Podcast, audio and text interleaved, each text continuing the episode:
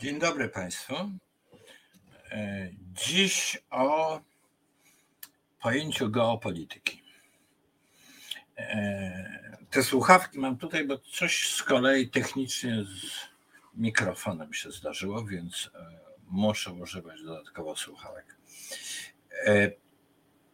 Pojęcie to było w Polsce no, bardzo często powtarzane w latach 60., 70., mianowicie, że Polska ma pechowe położenie geopolityczne, a z tego prostego powodu tak jest, że leży między Rosją a Niemcami. To był taki nawet do pewnego stopnia wybieg mówienia o geopolityce, bo w publicystyce takich E, no, mędrców, można powiedzieć, jak e, Stanisław Stoma, było to, można było dzięki temu powiedzieć, no, ta Rosja jest tak samo groźna, tak samo niebezpieczna dla Polski, jak, e, jak Niemcy.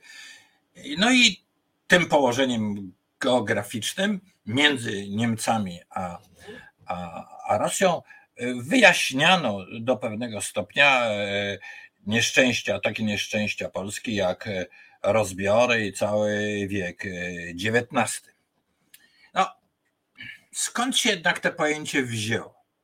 Bo u e, Stanisława Stommy miało to oczywiste i jasne konotacje. Samo pojęcie geopolityki natomiast pochodzi z, z końca XIX wieku. A mianowicie e, przypomnijmy sobie mapę ówczesnego świata. Ona składa się mm, z takich ogromnych plam, e, zwykle czerwonawych, e, i to było Imperium Brytyjskie. Dalej jest ogromna część Afryki. To jest taka niebieska, i to jest Imperium Francuskie. No i pytanie jest, y, jaką sobie zadają e, ówcześni myśliciele polityczni, jak to jest, że ten biały człowiek podbił prawie cały, cały świat. No bo jeszcze y, ten biały człowiek to jest e, również Rosjanin, który podbił ogromne tereny e, Azji. No i pytanie, co, dlaczego się tak stało? To był czas też e, darwinizmu. No i mm, ten e, geopolityka wiele wyjaśniała, to znaczy podzielono, że są potęgi morskie, lądowe, mm, e, dlaczego się ten biały człowiek tak na świecie rozepchał. To, mm, to pojęcie geopolityki te, dążność do terytorialnej ekspansji, bo to oczywiście było związane z terytorialną ekspansją. E, to pojęcie było używane później w, w nazistowskich e, Niemczech. Również uzasadniało mm, konieczność ekspansji niemieckiej, ponieważ e, Niemcy przed I wojną światową dobijali się o kolonie. E, to jest nieszczęsny i zbrodniczy fragment też historii niemieckiej w Kamerunie, Namibii i tak dalej. Po I wojnie te kolonie mm, stracili, ale e, ta, ta kwestia terytorium, geopolityki zmieniła się, ewoluowała w termin Lebensraum, e, przestrzeń do życia i również tutaj te myślenie geopolityczne obowiązywało. No, ponieważ to cały czas było związane z kwestią no, rasizmu. Ten biały człowiek, który dominuje nad całym światem. E, I użycie słowa geopolityka w nazistowskich Niemczech przez e, tych ekspansjonistów niemieckich skompromitowało to pojęcie. I po II wojnie długo tego pojęcia nie używano. W Polsce, jeszcze raz przypominam, miało to bardzo specyficzne użycie. No, w najroz... ale oczywiście mapa odgrywała dosyć dużą rolę. I teraz chcę pa Państwu pokazać książkę, którą ja wyciągnąłem z mojej półki. Proszę bardzo. To jest atlas strategiczny i tam również słowo geopolityka występuje. E, geopolityczne e, e, stosunki, relacje, siły w świecie. To jest lata 70. Album, który ja kiedyś sobie sprawiłem. Już spojrzenie na tą mapę jest ciekawe, bo jak Państwo tutaj widzą, odległość Stanów Zjednoczonych i Rosji jest znacznie inna niż przy takim wyobrażeniu, jakie, jakie, jakie znamy z map a mianowicie to jest e, poprzez e, biegun e, północny. A więc mapa zaczyna zawsze w takich strategicznych rozważaniach odgrywa sporą rolę. Słowo geopolityka jednak nie jest na pierwszym miejscu i w latach już 80., 90. mówi się o polityce globalnej, o a geopolityka, e, e, słowa geopolityka się unika, ponieważ e, w gruncie rzeczy geografia, no bo to jest przecież od geografii. Geografia nie odgrywa aż takiej roli politycznej. Siła handlowa to jest znacznie ważniejsza. Kraje terytorialnie małe, jak, jak, jak Japonia, odgrywają y, kolosalną rolę i tak dalej, i tak dalej. Ale to pojęcie pojawia się w Rosji, w rosyjskiej myśli politycznej i to po roku 1990. Dlaczego? Rosja jest słaba, ale Rosja, no starczy spojrzeć na mapę, jest ogromna. To robi kolosalne wrażenie. Rosja kolosalne wrażenie. Rosja, można powiedzieć, dotychczas ma dwa wielkie atuty. Z jednej strony Rosja to jest 3% zaledwie gospodarki światowej. Wow, trudno być supermocarstwem. E, z takim, taką cząstką światowej gospodarki, ale jak się ma tak ogromne terytorium i broń atomową, no to można powiedzieć, jesteśmy dumni. Supermocarstwem możemy być. Niech, niech nas wszyscy szanują. Ale trzeba od razu powiedzieć, że geopolityka, mm, mm, że te terytorium rosyjskie, ono fantastycznie wygląda na takim, na mapie, e, e, takim zwykłym E, globusie Mercatora, czy mapie z tym odwzorowaniem, e, ale jeżeli mm, porównamy terytoria naprawdę, to proszę spojrzeć na tą mapę, którą Państwo teraz widzą. To jest pozycja Rosji na tej mapie u góry, prawda? Ale ponieważ wszystkie terytoria przy tym odwzorowaniu, który normalnie stosujemy, ona powiększa terytoria na północy znakomicie, to Rosja jest dużo mniejsza od Afryki. O, proszę, zobaczcie. To niebieskie to jest takie byłoby odwzorowanie terytorium Rosji, gdyby Rosja leżała na równiku. A teraz porównajmy sobie jeszcze inną mapę. Teraz mnie Państwo zobaczą. Rosję i Australię. No, Rosja jest od Australii oczywiście większa, ale większa tylko dwa razy. Wow. A tak na oko patrząc na to odwzorowanie Mercatora, to powinna być co najmniej cztery razy większa, prawda? E, no więc e,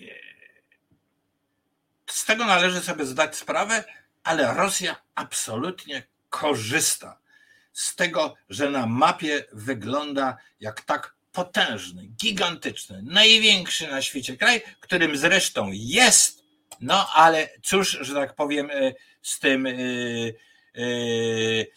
zrobić, kiedy to, gdybyśmy to na to inaczej spojrzeli, to aż takie imponujące to nie jest.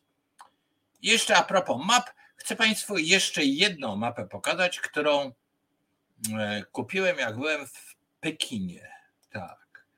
Proszę spojrzeć, to jest mapa taka inna niż e, tutaj ten zerowy południk Greenwich nie jest na środku mapy, prawda? Tylko jest tutaj na środku Pacyfiku i tak widzą e, mapę świata, albo tak widzą geopolitykę Chińczycy. Widzimy, że tutaj centralnym teatrem politycznym jest Pacyfik, a my jesteśmy gdzieś na uboczu, ale Rosja też trochę jest na uboczu tam na północy, prawda? No więc różne spojrzenia na mapę uczą różnych e, poglądów na na politykę. No i teraz stała się rzecz dziwna. A mianowicie po roku 89, a już najpóźniej po roku 2005,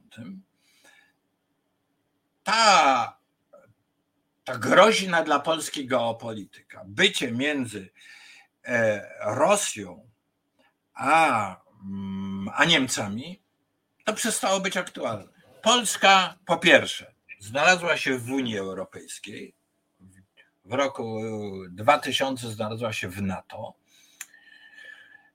a więc razem z Niemcami w jednym sojuszu wojskowym. No a później jeszcze coraz bardziej przebijająca się do niepodległości i samodzielności e, Ukraina. W związku z czym no, czy Polska leży między Rosją a Niemcami? Nie, nie leży między Rosją a Niemcami. A Polska jest krajem małym i spójrzmy jeszcze raz na tą mapę z Chinami. No, e, dla Chin, kraju tak wielkiego, geografia jest ważna, prawda? Ale czy jak narysować by taką mapę, w której Polska by była centralnym miejscem, mapę całego świata?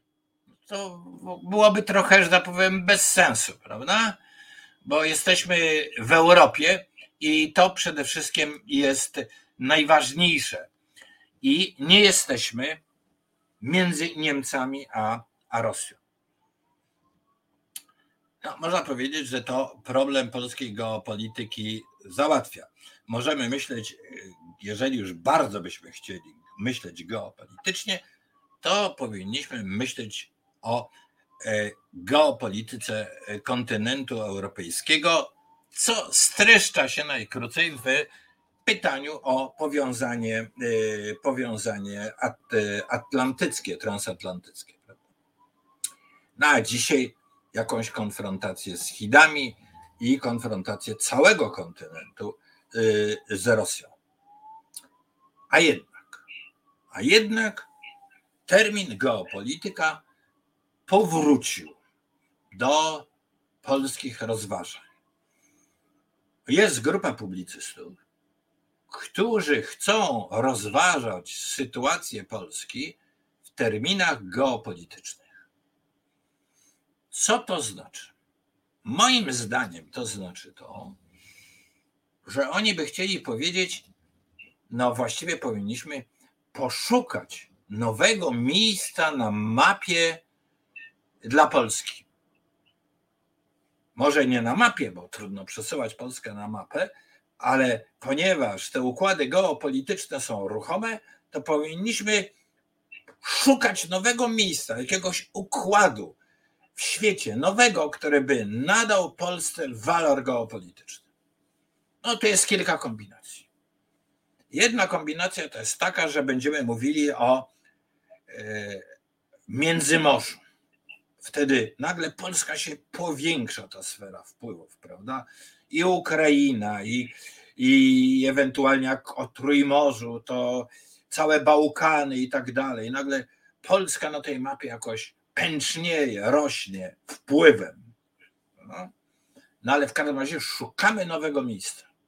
Tym miejscem nie jest tak, jakbyśmy, ja bym chciał, Unia Europejska, NATO, nie trzeba nowego miejsca szukać ale ustalać to miejsce, zapewniać sobie to miejsce, w którym już jesteśmy, że to jest jak gdyby zbawienie od rzeczywiście tego przekleństwa położenia między Rosją a Niemcami, ale trzeba szukać nowego miejsca.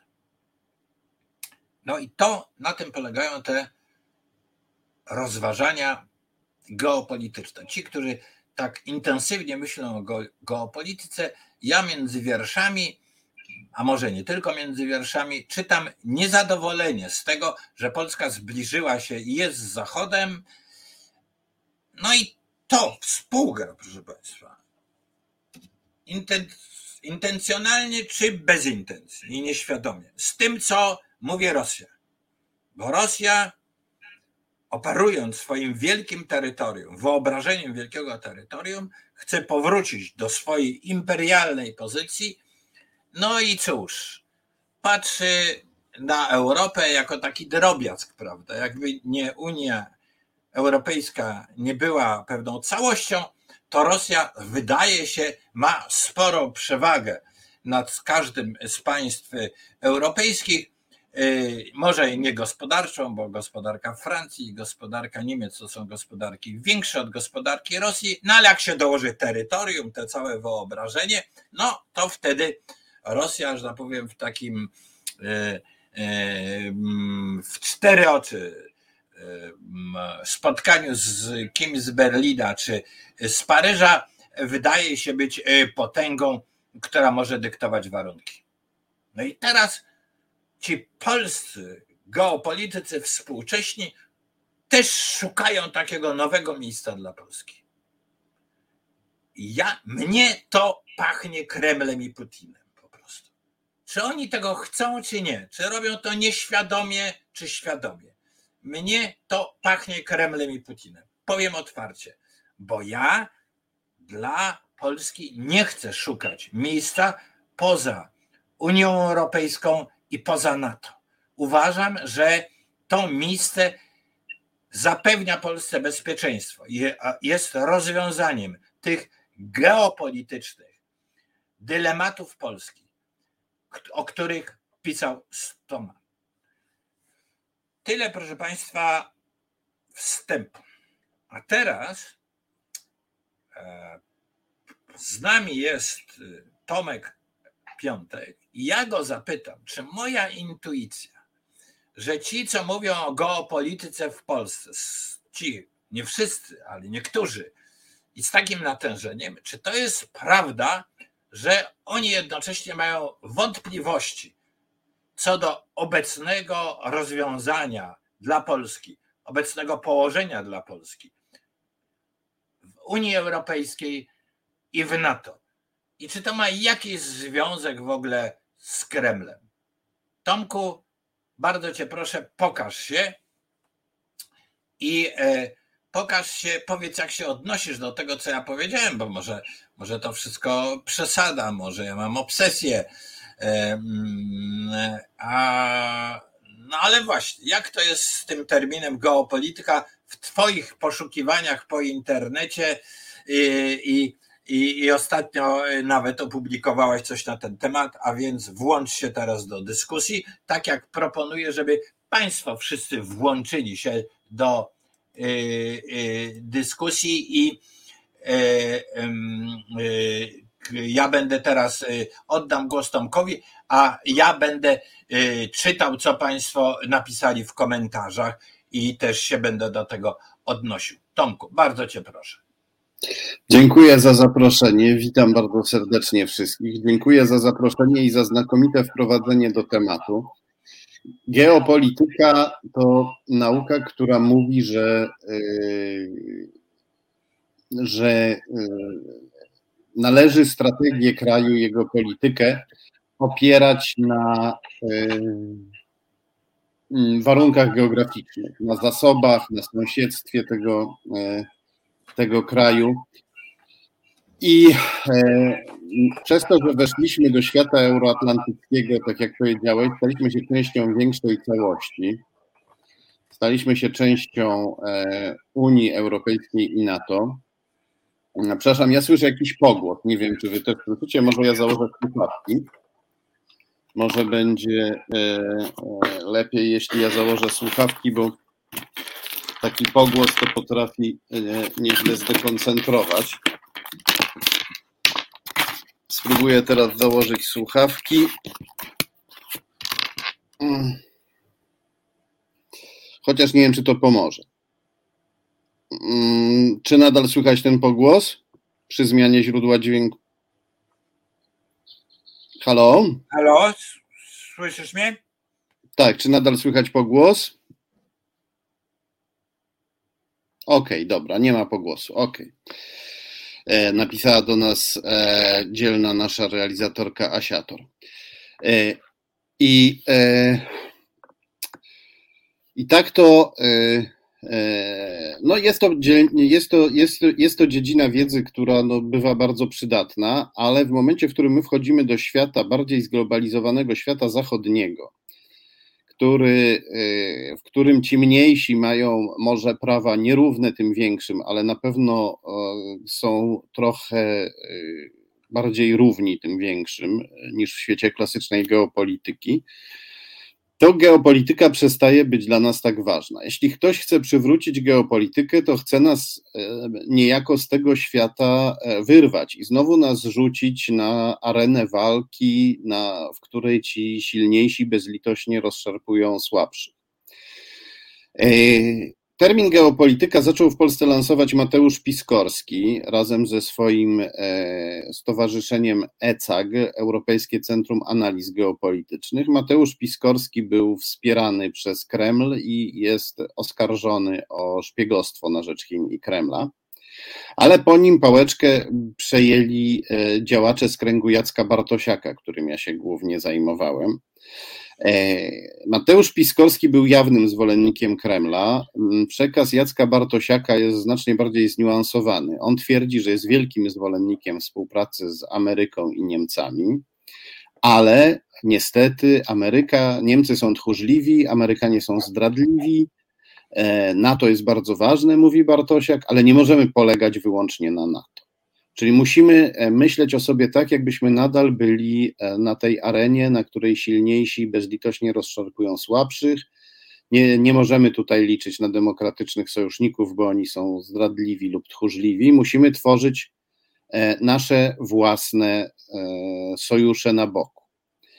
I to dla wielu ludzi brzmi rozsądnie, no bo wszyscy Pamiętamy e, słabą reakcję Zachodu na napaść Putina na Ukrainę. Pamiętamy, że w 1939 roku e, e, Francja i Anglia długo czekały, zanim przystąpiły do wojny, a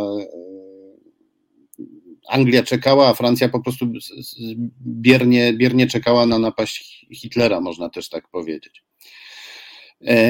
Więc to jest, e, to brzmi dla nas rozsądnie i my myślimy sobie tak, no dobrze, e, takie sojusze na boku mogłyby stanowić wzmocnienie dla nas i dla NATO. Bartosiak proponuje tutaj sojusze z, sojusz na przykład szwedzko-polsko-rumuński. Ja myślę, że Szwedzi by pospadali z krzeseł gdyby się dowiedzieli, że mają e, mieć sojusz teraz e, jakiś szczególny z Polską i Rumunią. Więc te rzeczy, które opowiada Bartosiak, to są zupełne mrzonki, jakby czyste chcieństwo, niezwiązane w ogóle z, z jakąkolwiek znajomością polityki e, naszych sąsiadów. Bartosiak proponuje też sojusz z Turcją, i tu, i tu się pojawia pytanie o dobrą wolę Bartosiaka, w jakiej, czy w dobrej wierze on działa ponieważ Turcja od 2016 roku jest sojusznikiem Kremla. Jej polityka w 95% jest zgodna z tym, czego chce Kreml.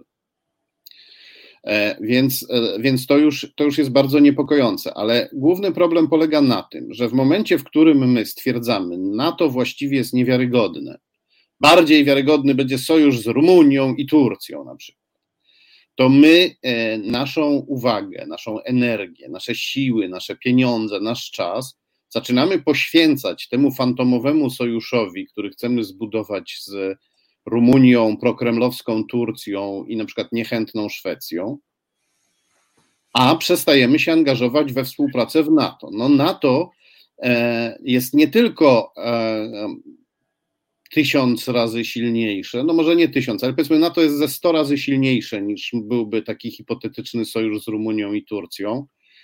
E, ale NATO ma przede wszystkim tę zaletę, że istnieje. Sojusz na przykład szwedzko-turecki, takie chimery, które proponuje Bartosiak, to jest coś zupełnie niemożliwego. E, gdyby, gdyby Szwedzi się dowiedzieli, że w Polsce ktoś twierdzi, że oni mogliby mieć przez Polskę sojusz z, no z autorytarnym gangsterem, jakim jest Erdogan, ja, ja, myślę, że szwedzkie programy telewizyjne nie musiałyby nadawać programów satyrycznych. Puszczaliby Bartosiaka po prostu, żeby Szwedzi pękali ze śmiechu. Więc, e, e, e więc to, co te, niestety ludzie w Polsce wierzą w te chimery. Bartosiak ma setki tysięcy fanów, bo umie, bo formułuje te swoje e, propozycję takim językiem, który z jednej strony trochę brzmi zdroworozsądkowo, a z drugiej strony brzmi bardzo kwieciście, więc wnosi taki powiew świeżości. Bartosiak twierdzi, że e, e, polska armia powinna zwalczać Rosję namiętnie na przykład. No, niektórym ludziom to się e, najwyraźniej podoba. Mówimy tutaj, ale nie na tym się kończą jakby pomysły Bartosiaka, no, mówimy tutaj, program się nazywa Siła Książki, więc ja też mam książkę. Książkę, e, która się nazywa e, Nadchodzi trzecia wojna światowa. Czy Ameryka porzuci Polskę na pastwę Rosji? To jest tytuł książki, którą napisali wspólnie Jacek Bartosiak i Piotr Zychowicz. I tam są w tej książce rzeczy już zupełnie szokujące. Bartosiak się w ogóle tutaj chwali w tej książce, zacznijmy od tego, że rozmawiał z Fiodorem Łukianowem, szefem Rosyjskiej Rady do Spraw Polityki Zagranicznej i Obronnej. Sprawdziłem w internecie, faktycznie z nim rozmawiał. No proszę Państwa, e, e, szef Rady Polityki Zagranicznej i Obronnej Putina nie rozmawia z byle kim, nie, ro, nie będzie robić reklamy komuś, kto jest antyrosyjski. Bartosiak twierdzi, że jest antyrosyjski, ale gdyby był, to e, Łukianow nigdy by z nim nie porozmawiał. Idźmy, e, idźmy dalej. W tej, e, e, jest też zdumiewający fragment w tej książce, w którym Zychowicz, rozmówca Bartosiaka, całkiem rozsądnie mówi, że potrzebujemy systemu obrony przeciwrakietowej Wisła, bo inaczej pociski nam się posypią na głowę. A Bartosiak odpowiada, niech się posypią. Nie potrzebujemy systemu obrony e, przeciwrakietowej. Możemy się jakoś bunkrować, uciekać przed tymi pociskami. On w tej książce mówi jeszcze rzeczy niesłychane. Mówi, że nie potrzebujemy e, czołgów, że nie potrzebujemy fregat, bo jak będziemy mieć fregaty, to na przykład Rosjanie nam taką fregatę porwą i potem nagrają na komórce naszych marynarzy złapanych z wybitymi zębami i będzie wstyd na cały świat. To jest trochę takie rozumowanie, że no nie, nie należy mieć portfela i pieniędzy, bo ktoś może ukraść. Więc to jest, e, to są rzeczy zupełnie e, niesłychane i niesamowite jest to, że masa ludzi wierzy w to, że, że, Bartosiak im że Bartosiak właśnie jest takim świeżym powiewem realizmu w naszej polityce. To jest kompletny surrealizm i jakaś, jakieś masochistyczne pragnienie rozbrojenia Polski i pozbawienia jej sojuszników, rzecz bardzo korzystna dla Kremla, no, a ludzie tego słuchają i mówią, jaki on jest mądry, wspaniały, profesjonalista, eksperci.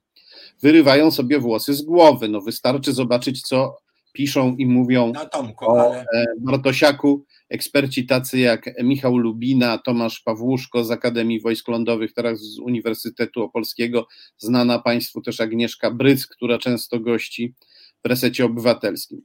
E, do, kończąc tylko dodam, że oczywiście na Bartosiaku się nie kończy, bo jego współpracownik Marek Budzisz w czerwcu zeszłego roku w pisowskim portalu w polityce.pl napisał, że powinniśmy po prostu e, zawrzeć przyjaźń z Putinem i e, zdradzić dla niego naszych bałtyckich sojuszników z NATO, jak również Ukrainę.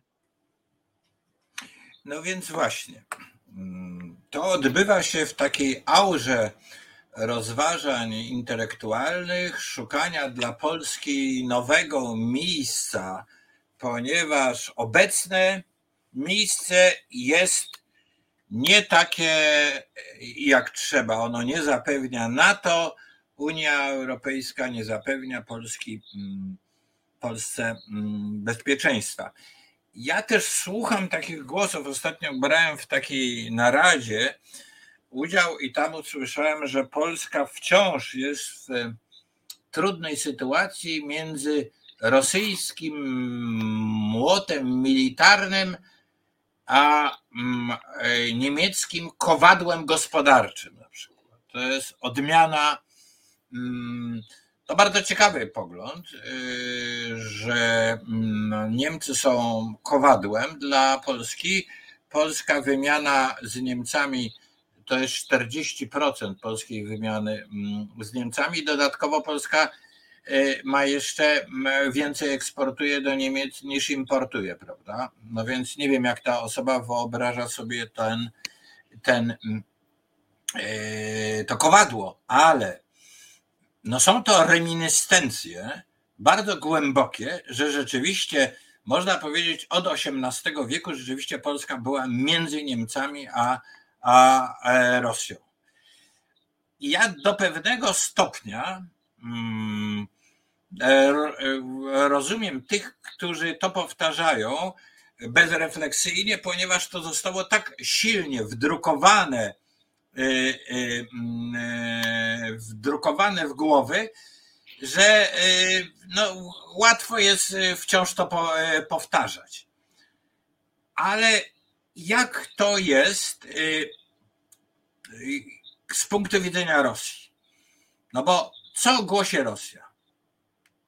I na ile polscy geopolitycy, w cudzysłowie, są no właściwie mm, no, mówią językiem, pojęciami, wyobrażeniami podobnymi do e, propagandy kremlowskiej. Rosja mówi: Europa się rozpada. Europa się rozpada. Właściwie Europy nie ma. Prawda? E, w świecie jest całkowicie nowe rozdanie. A więc, jak jest nowe rozdanie w świecie, to każdy ma szukać E, szukać mm, jakiegoś e, nowego miejsca. Cały świat, w całym świecie następuje przetasowanie, bo Rosja, utraciwszy swoją pozycję mocną jako Związek Radziecki, jako imperium, no teraz marzy o tym, żeby w świecie nastąpiło przetasowanie, bo jest obecnie słaba. Tak?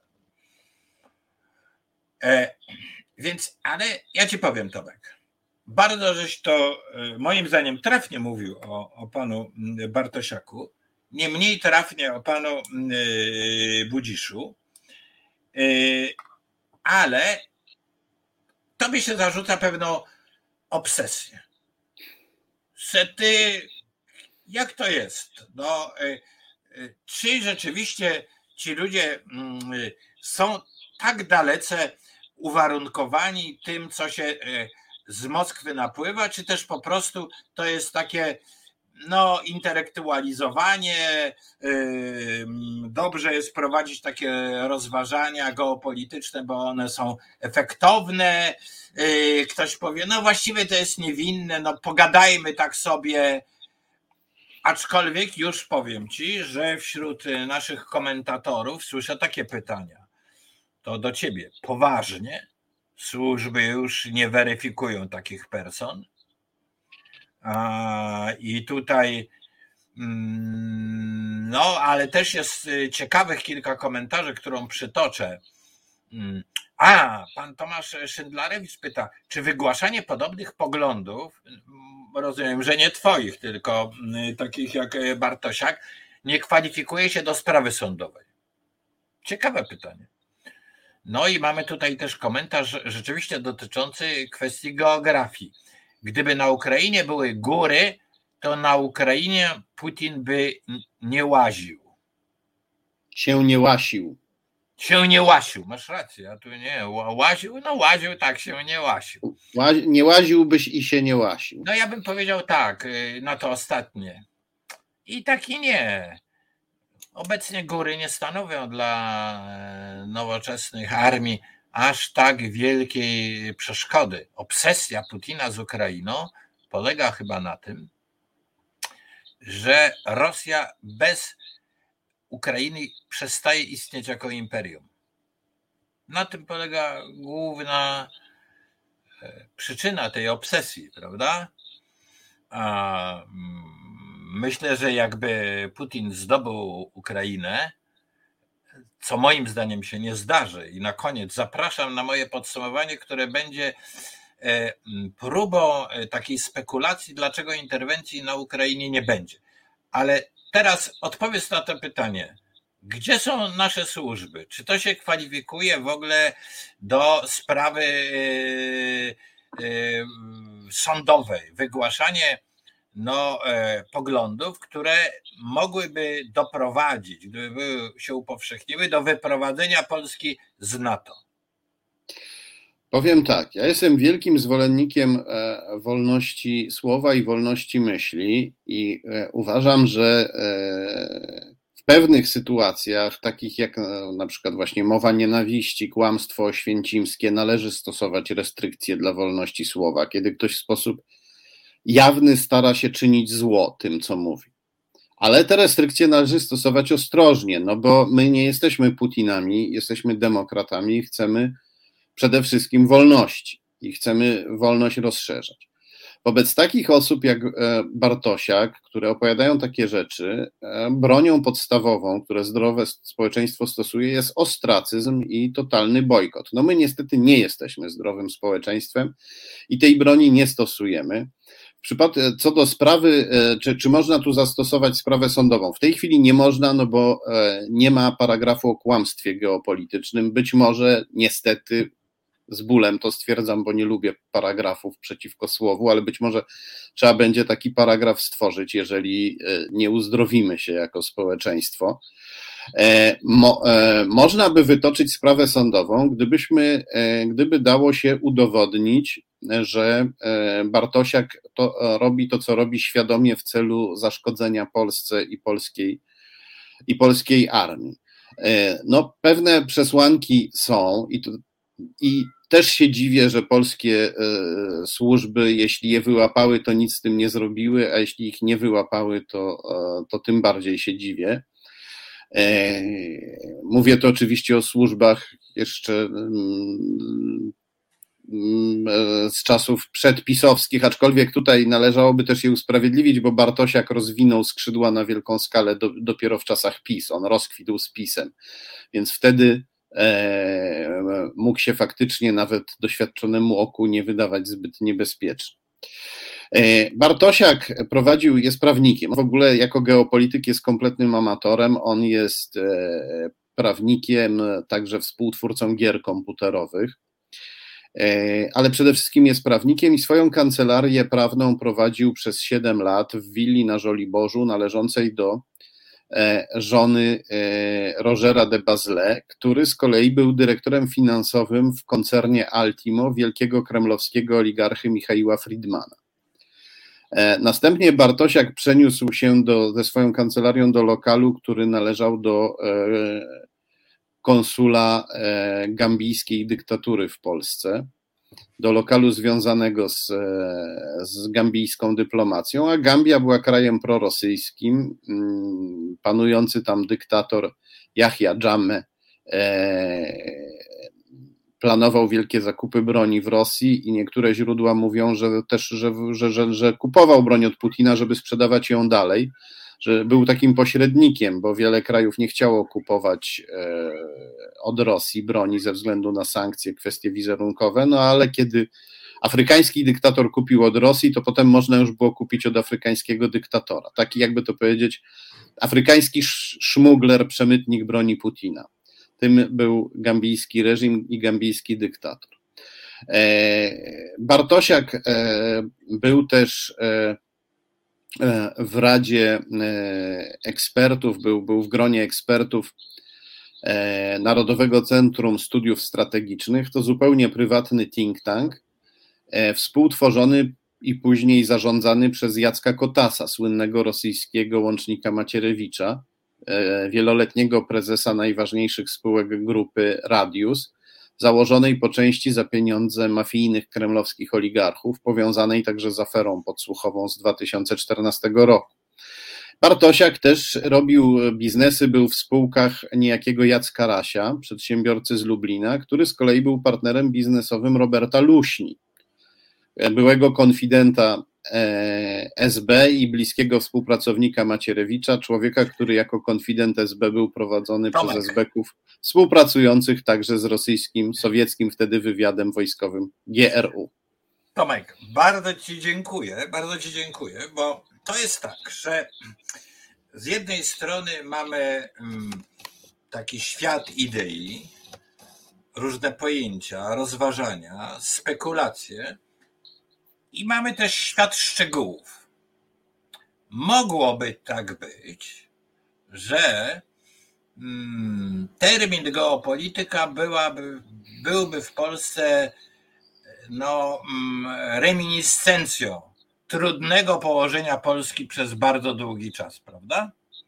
Mogłoby tak być, że termin geopolityka łączyłby się z proeuropejskim nastawieniem, ponieważ e, e, byśmy oglądali albumy strategiczne francuskie, niemieckie, bo też takie są, a sami byśmy wyłożyli pieniądze na taki atlas strategiczny, jeżeli jeszcze raz Państwu pokażę ten francuski atlas strategiczny na pieniądze na europejski atlas strategiczny, w którym polscy redaktorzy mieliby wiele do, z pewnością do powiedzenia, prawda?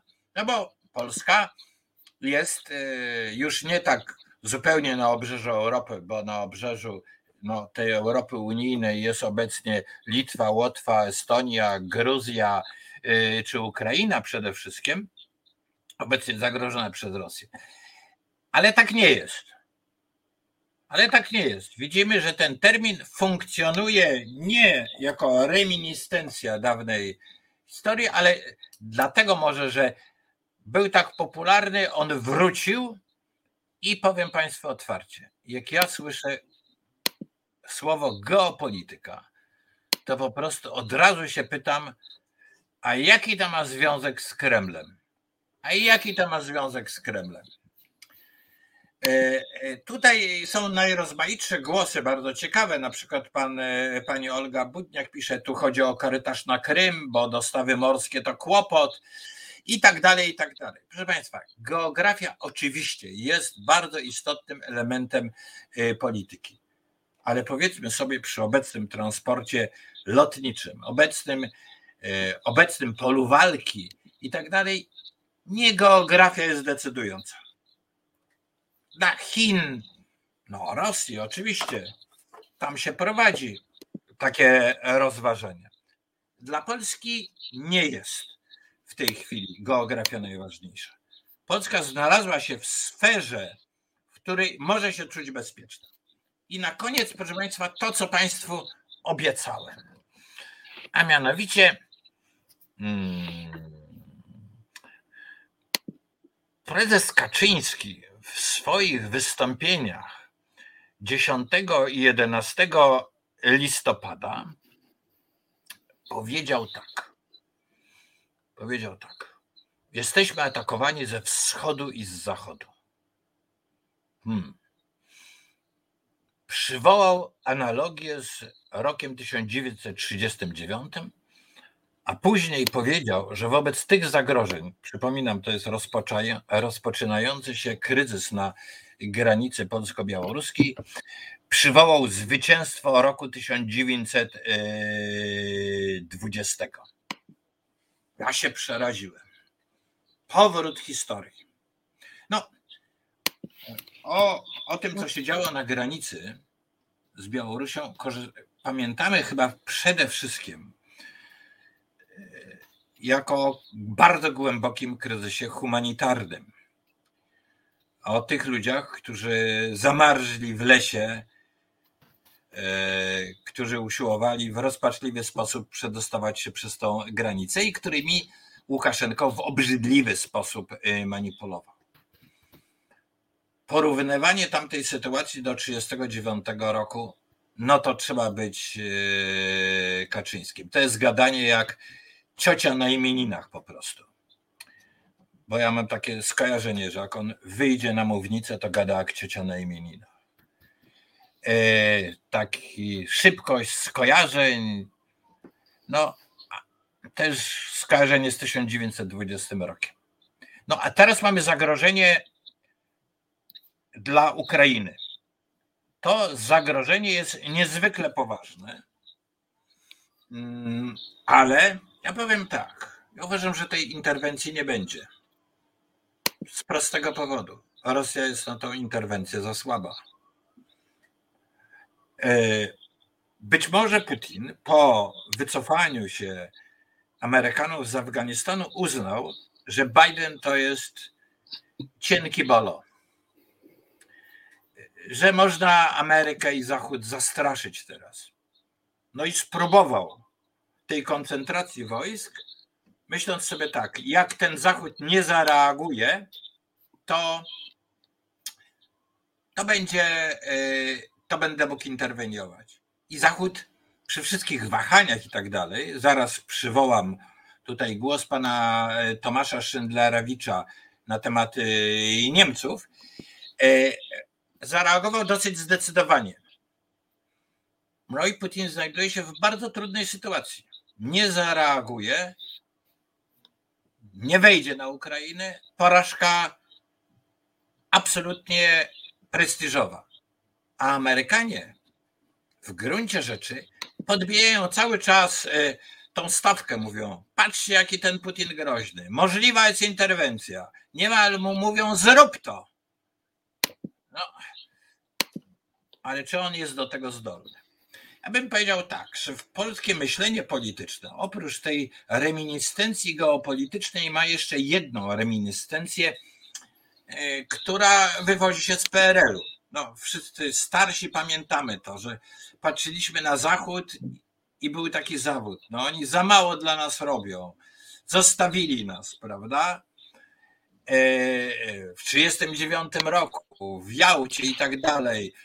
A więc e, Rosja jest groźna, a Zachód jest głupi.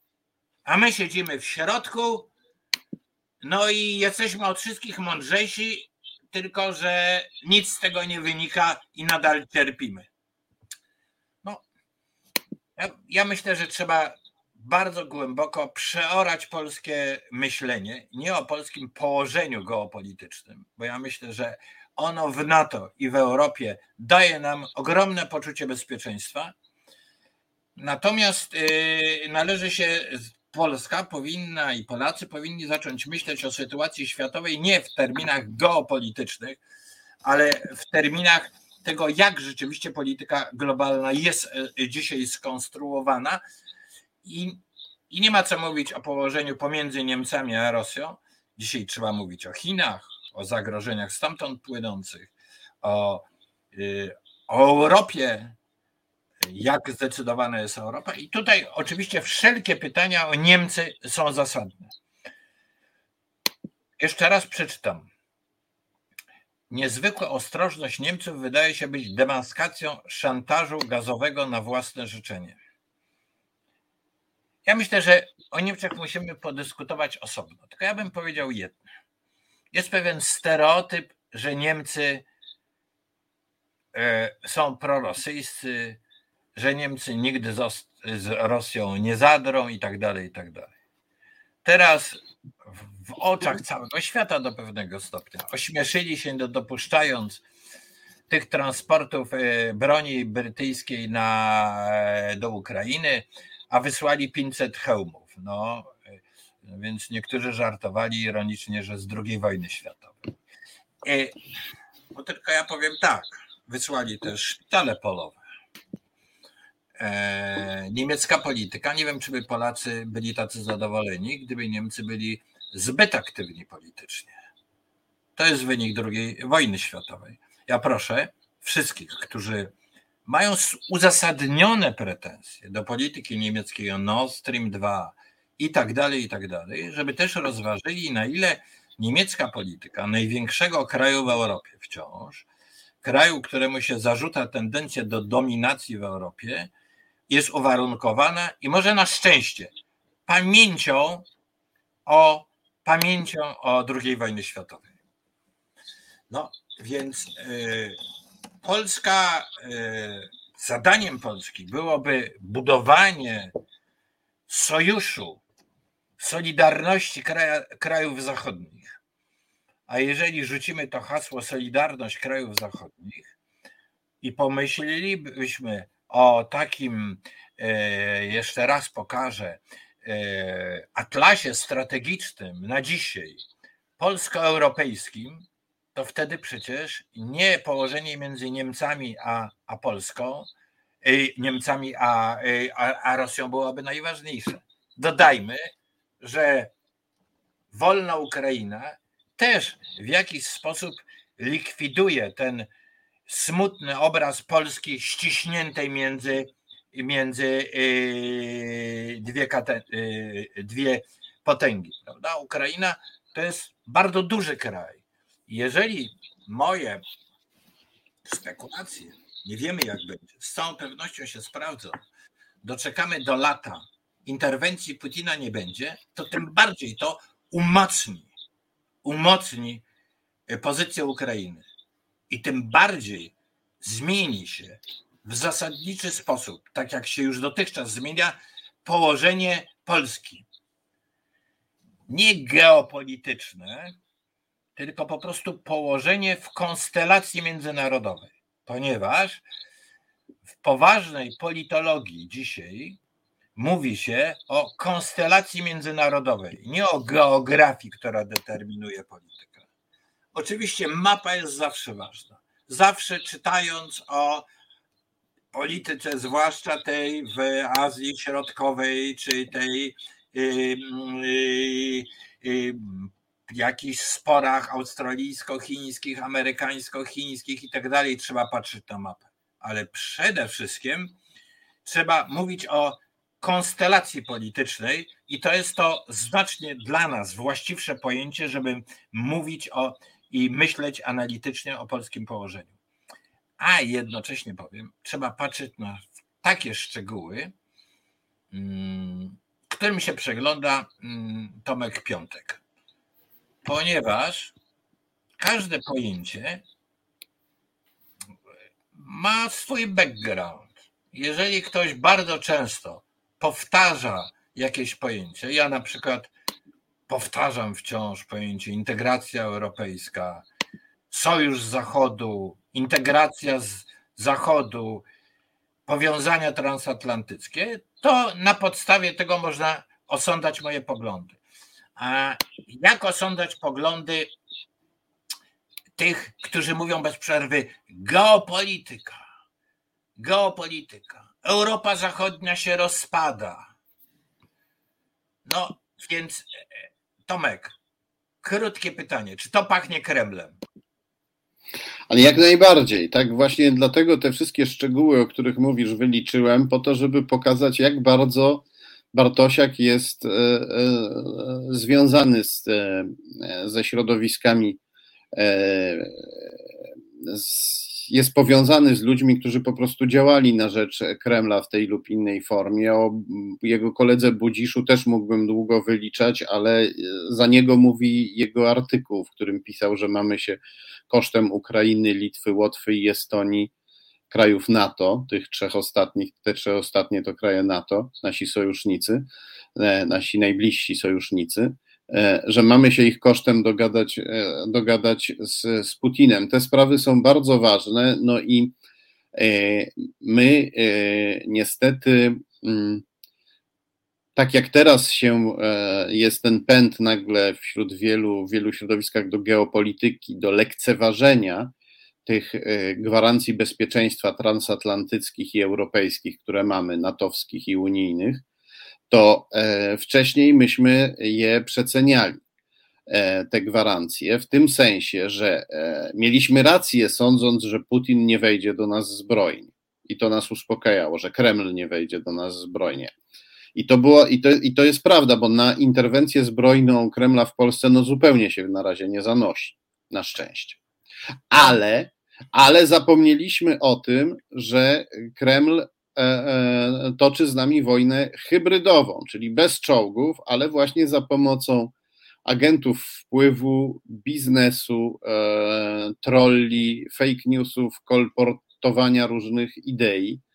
I e, na to ciągle wielu z nas jest nieprzygotowanych. Ciągle nie zdajemy sobie sprawy z tego, jakie to jest niebezpieczne. Dopóki na stację sanepidu w naszym mieście nie napadną zielone ludziki Putina, nazywające się polskimi antyszczepionkowcami.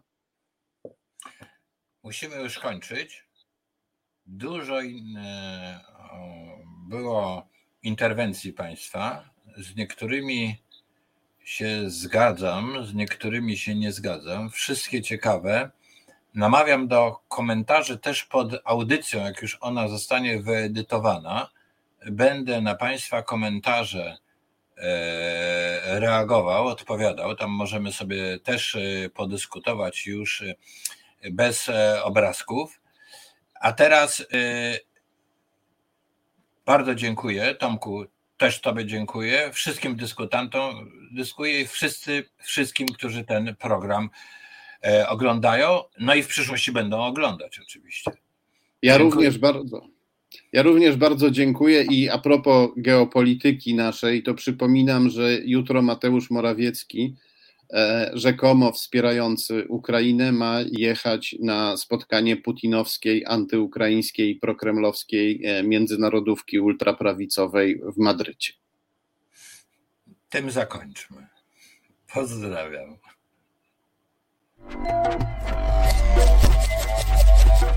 Reset Obywatelski.